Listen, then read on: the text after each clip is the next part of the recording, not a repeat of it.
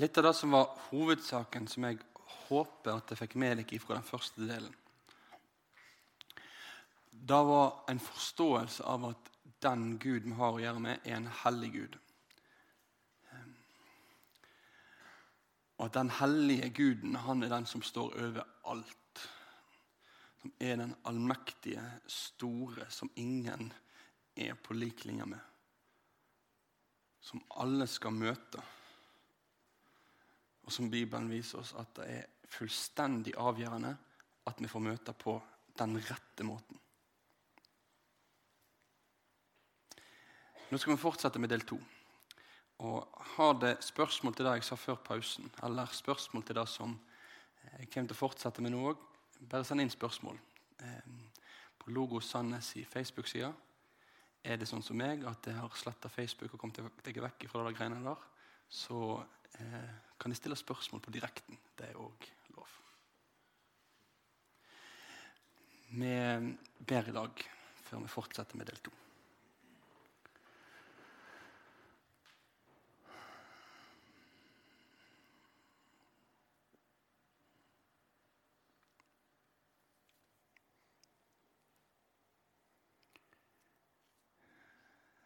Herre.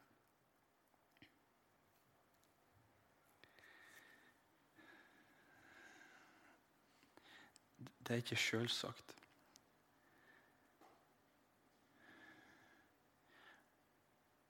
At jeg kan få møte deg som ditt barn. At jeg kan få møte deg, du som er den hellige, trygt.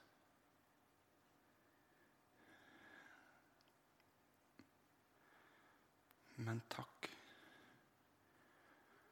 for at du er Han som er den hellige, og samtidig er den Gud som helliggjør.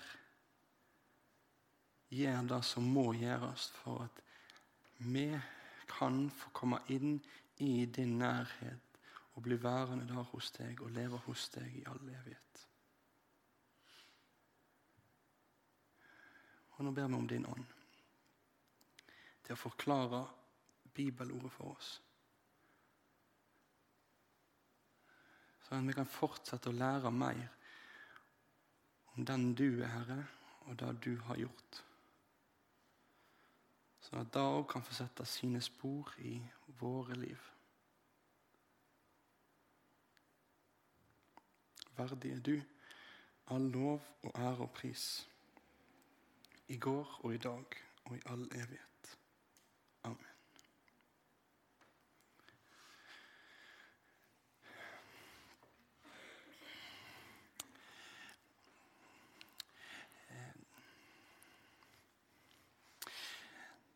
Nå skal vi prøve å fokusere på hvordan jeg som menneske kan få møte den hellige Gud rett. Og eh, Jeg vil begynne med å si litt om eh, et ord. Et ord som på nynorsk er heilagering, eller jeg skal i parentes også, helliggjørelse på bokmål, sånn at jeg forstår hva jeg snakker om. Grunnen til at, at, jeg vil bruke litt tid på dette her nå i starten, er at jeg kommer til å, å snakke videre nå etterpå om dette. Men så er det sånn at ordet helliggjørelse eller helliggjøring da kan egentlig bety to ulike ting. Og Da er det litt viktig at vi har klart for oss hva for en av de to tingene jeg egentlig snakker om her nå. For det er jo sånn at, at Vi bruker ulike kristne begrep, og så av og til så kan, kan de flyte litt i hverandre. Og Av og til så er det sånn at ett ord betyr flere ting. Helliggjørelse da blir vanligvis brukt på denne måten her. Altså Jeg kan snakke om rettferdiggjørelse og helliggjørelse. Rettferdiggjørelse handler om den domserklæringen som skjer når et menneske kommer til tro på Jesus Kristus. Jeg blir erklært rettferdig. Det er dommen over livet mitt. Rettferdig for Jesus Kristi skyld. Og så kommer helliggjørelsen, som er det kristne livet og åndens gjerning i meg for å likedanne meg med Kristus. Sånn at jeg mer og mer òg får bli prega av den hellige. Hans vilje, hans tanker og hans retning. Så Det er sånn vi vanligvis snakker om helliggjørelse. Altså den pågående gjerningen i en kristens liv. Forstår du den? Er du med på den tanken? Det er liksom det som vanligvis er snakk om når det er helliggjørelse. Men i Bibelen blir òg helliggjørelse brukt på en annen måte. Og Der det ikke er snakk om at det er linjer gjennom kristenlivet, men det er snakk om at helliggjørelsen òg skjer i et punkt. At jeg blir helliggjort. På samme måte som jeg blir rettferdiggjort ved tro på Jesus Kristus. Den andre måten å bruke dette ordet her på, det er at helliggjørelse kan brukes på den renselsen som skjer med et menneske når det har vært født på ny og vært en del av Guds folk ved dåp og tru. Eller for å si det ganske enkelt at når jeg blir kristen, i dag jeg blir en kristen, så er jeg helliggjort. Akkurat som jeg er rettferdiggjort. Guds dom over mitt liv er rettferdig for Jesu Kristi skyld. Og samtidig hellig. Hellig. Jeg vet ikke om dere har tenkt over det, men jeg er ikke så vant til å kalle det nå lenger så mye. Da. Men, men hvis du snakker med eh, foreldre, besteforeldregenerasjon, kanskje spesielt besteforeldregenerasjon, så kan de snakke om ja, det var så gildt å være i de hellige samfunn i kveld. De hellige samfunn. Da snakker vi om, Det er et ord som kristenheten tradisjonelt sett har brukt på de kristne. At det er de hellige samfunn. For Poenget er at en tenker at ja, den som er en kristen, den er hellig. Og så kommer vi sammen og har samfunn med hverandre. Og Det er godt. Så Sånn er det jeg nå til å bruke dette ordet her videre. Men vi må være oppmerksom på denne differensieringen. Vi må være oppmerksom på at ordet blir brukt på begge måter. Både om den pågående prosessen der Herren får arbeide med meg, preger meg mer og mer og mer, og min syndige natur dag etter dag etter dag etter dag og må dø, og det nye livet får vokse fram. Men nå er det snakk om den helliggjørelsen som skjer i dag jeg kommer til tro på Jesus. Bibelen forteller meg at Gud han er ikke bare den som er hellig, men han er også den som gjør hellig. Han er begge deler. Han er den eneste som i seg sjøl er hellig. Det er ingen andre skapninger som er hellig i seg sjøl. Det er det bare skaperen som er. Men han som er hellig, han er òg den som kan gi av sin hellighet til andre. Og det å bli gjort hellig, det innebærer da å bli rensa. Det inneholder da å bli adskilt for Herren. Og det innebærer da å være tilgjengelig i tjenester for Herren.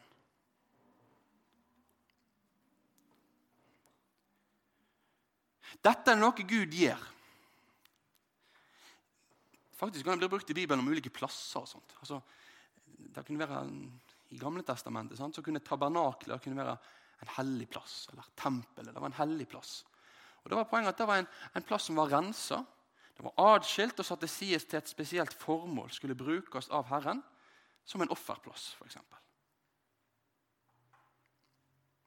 Men nå så vil, vi, vil, jeg at vi skal se at dette begrepet her blir òg brukt om det Gud vil gjøre med deg og med meg.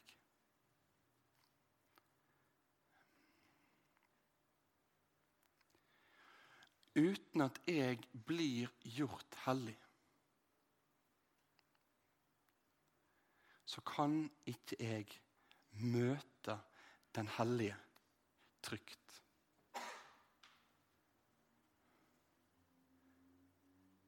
Men når jeg er gjort hellig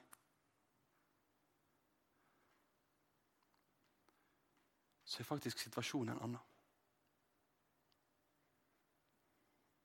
Og Så fortalte jeg før pausen om at i Gamle Testamentet var disse ofringene her av dyr som skulle ta menneskers sted. Da var Guds vei for at folk kunne få gjort opp for sin urett. Og så kommer vi til Nytestamentet, og spesielt ett brev i Nytestamentet, Hebreabrevet, som veldig tydelig viser at alle disse ofringene i Gamle testamentet av dyr de pekte egentlig bare framover. De ble gjentatt år etter år etter år etter år. Men de pekte framover mot at en gang så skulle det komme en som skulle gjøre et endelig offer for synde. Som skulle gjøre en fullkommen soning, et fullkomment oppgjør, en fullkommen betaling for alle menneskers synder. Og det er Jesus. Og Nå skal vi lese sammen ifra Hebreabrevet. Og Jeg ønsker at vi skal lese et, et lite eh, stykke. Så skal jeg stoppe opp for noen av de hovedversene som står her.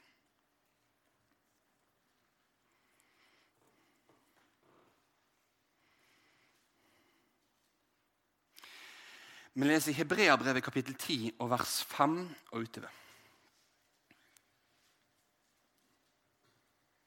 Derfor sier Kristus når han stiger inn i verden. Slaktoffer og offergave ville du ikke ha, men en kropp lager du til meg. Brennoffer og syndoffer hadde du ingen glede i.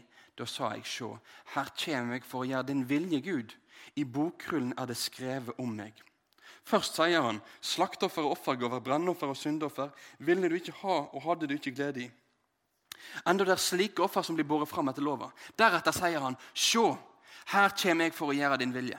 Han opphever det første, altså de ofringene i Gamle testamentet, så han kan sette det andre i verk. det som Han nå kommer for å gjøre. Han kommer for å gjøre Guds vilje. Så Jesus kom for å gjøre Guds vilje.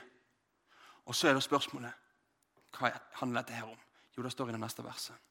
På grunn av denne viljen er vi helga ved at Jesu Kristi kropp ble båren fram som offer en gang for alle.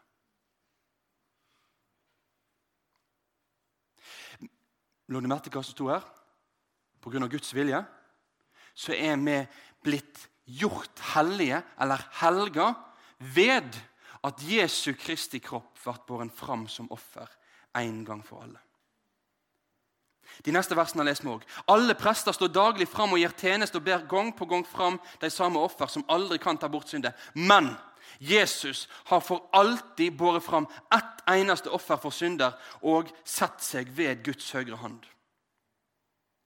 Igjen i vers 14.: For med ei eneste offergave har Han for alltid gjort de som blir helga, fullkomne. Fullkomne. Dette her var tre vers som på ulikt vis knytter Jesu død til vår helliggjørelse. At når Jesus døde, så døde han som min stedfortreder. Min representant. Han tok min straff på seg. Den straffa jeg skulle hatt, den ble Jesus i. Og den renheten som Jesus har, den helligheten som Jesus har, han som er fullkomment hellig, den helligheten blir min.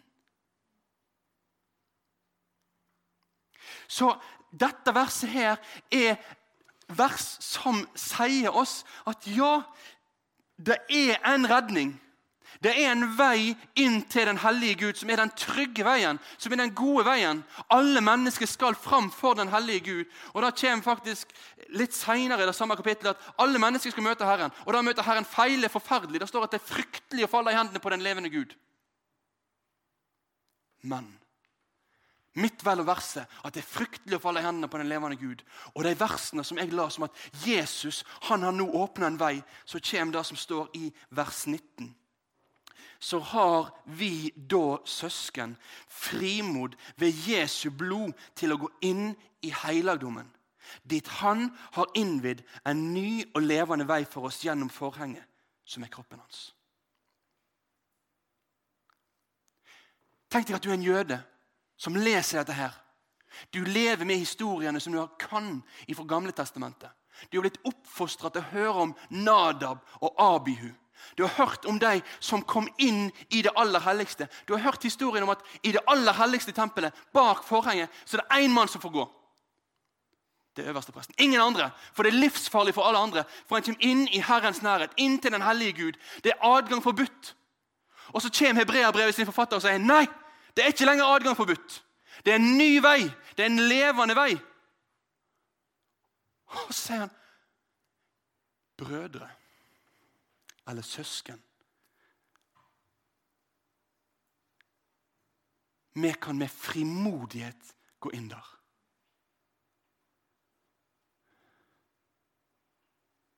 Hvordan kan jeg med frimodighet møte den hellige Gud som jeg leser disse brutale tekstene om i Gamle Testamentet? Jo, gjennom denne levende, trygge, sikre veien Jesus.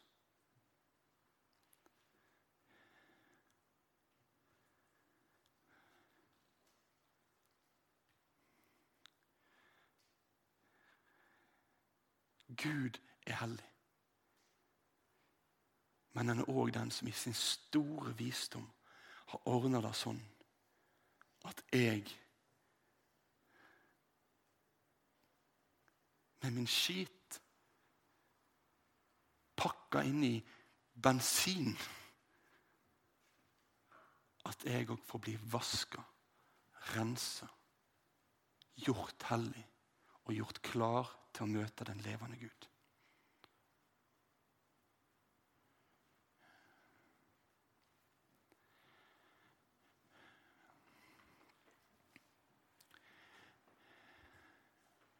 Johannes' åpenbaring, kapittel 1, med en tekst jeg var så vidt innom i stad.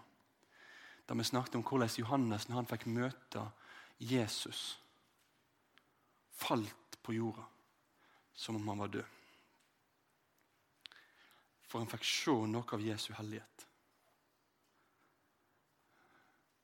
Men historien slutter ikke med at Johannes ligger på jorda.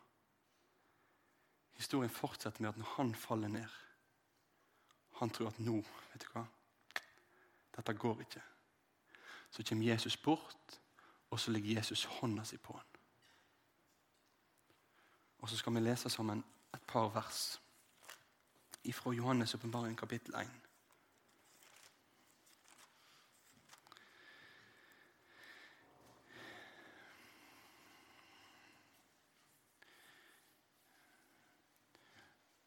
Johannes' sin reaksjon sto i kapittel 1 og vers 17. Da jeg så han, falle jeg ned for føttene hans som jeg var død. Men han la høyre handa si på meg og sa, vær ikke redd. Jeg er den første og den siste og den levende. Jeg var død, men sjå, jeg lever. I all eve og har nøklene til døden og dødsriket.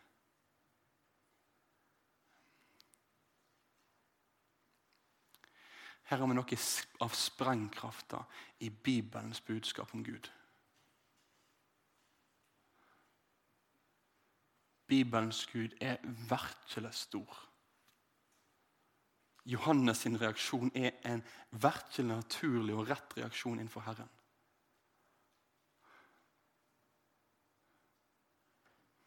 Men samtidig som Gud er den hellige, så er han òg en som med sine hender har ordna med en redning.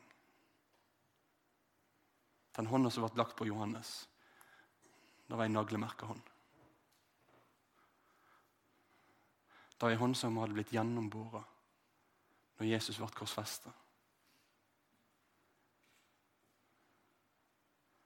Det var ei hånd som bar med seg merkene på at Jesus hadde åpna en ny og levende vei inn gjennom forhenget inn til den hellige Gud for Johannes, for deg og for meg.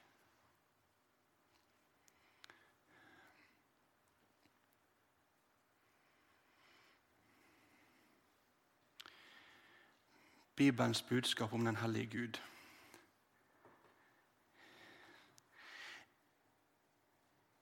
er et budskap som har konsekvenser for oss.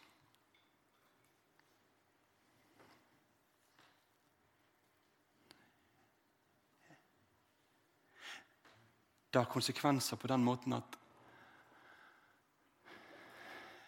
faktisk å skape en sunn frykt. Men at jeg er nødt til å innse at Gud leker ikke Gud. Gud er Gud. Gud later ikke som han er Gud. Han er Gud.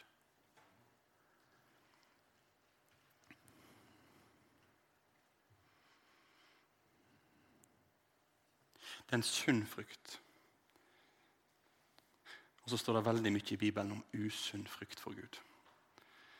Og Det skal ikke jeg ha om nå. Kanskje, kanskje det har hatt en logosamling om det, eller kanskje jeg kan ha det senere. Det er et viktig tema.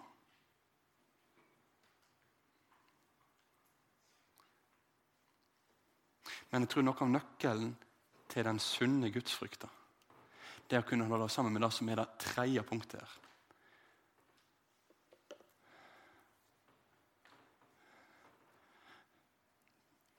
Det er at det er en trygghet òg i Guds hellighet. Og den tryggheten den går på det at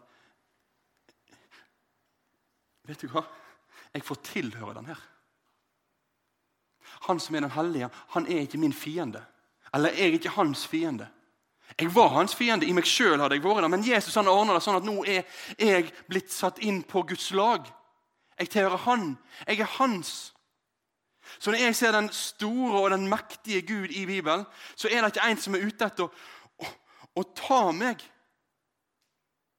Men da er det den Gud som jeg vet at står foran meg. Som jeg får tilhøre som jeg får flykte til, som jeg får være hos, og som jeg får klynge meg fast hos. Så får jeg faktisk si at den hellige Gud, han er min far.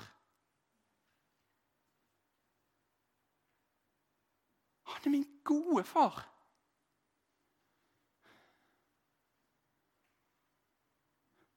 Og Sånn er Bibels Gud. Her blir liksom noen av disse ytterpunktene dratt sammen. og, og Tanken min klarer ikke helt fullt ut å forstå det. Men på ei og samme tid så, så blir Gud stor, og, og, og, han kan bli skremmende. Men samtidig så kan han få være trygg. Og så kan jeg få være trygg hos han. Fordi i Jesu blod så er det åpnet en ny vei inn til han.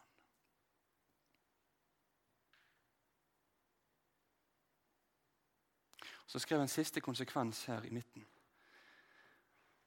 Og Det er at min overbevisning om at Gud er hellig.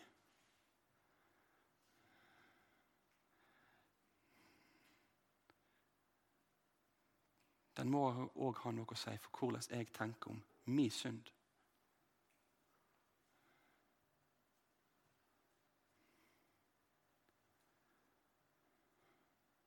For den hellige kan ingenting skjules.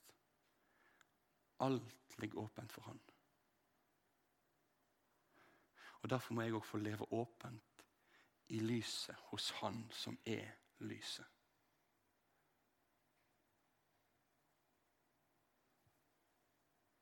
Bekjenne min synd. Leve i en stadig omvendelse til Han, der igjen og igjen og igjen får snu meg til Han. Og vite at Jesu blod renser fra all synd og all urettferdighet.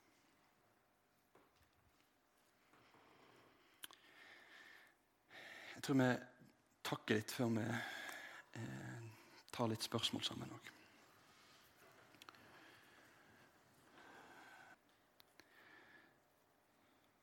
Lova være du, du hellige Gud, som lever, som råder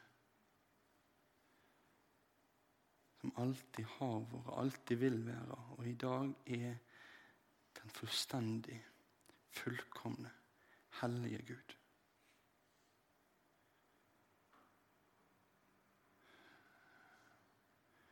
Og takk for at du som er den hellige, samtidig òg er Han som helliggjør.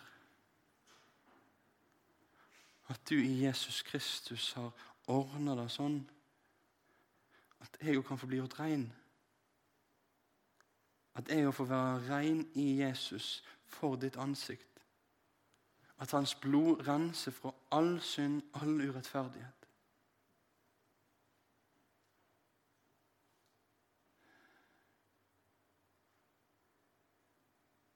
Jesus, hjelp meg til å forstå mer av din hellighet. Sånn at den òg får sette sine spor i livet mitt.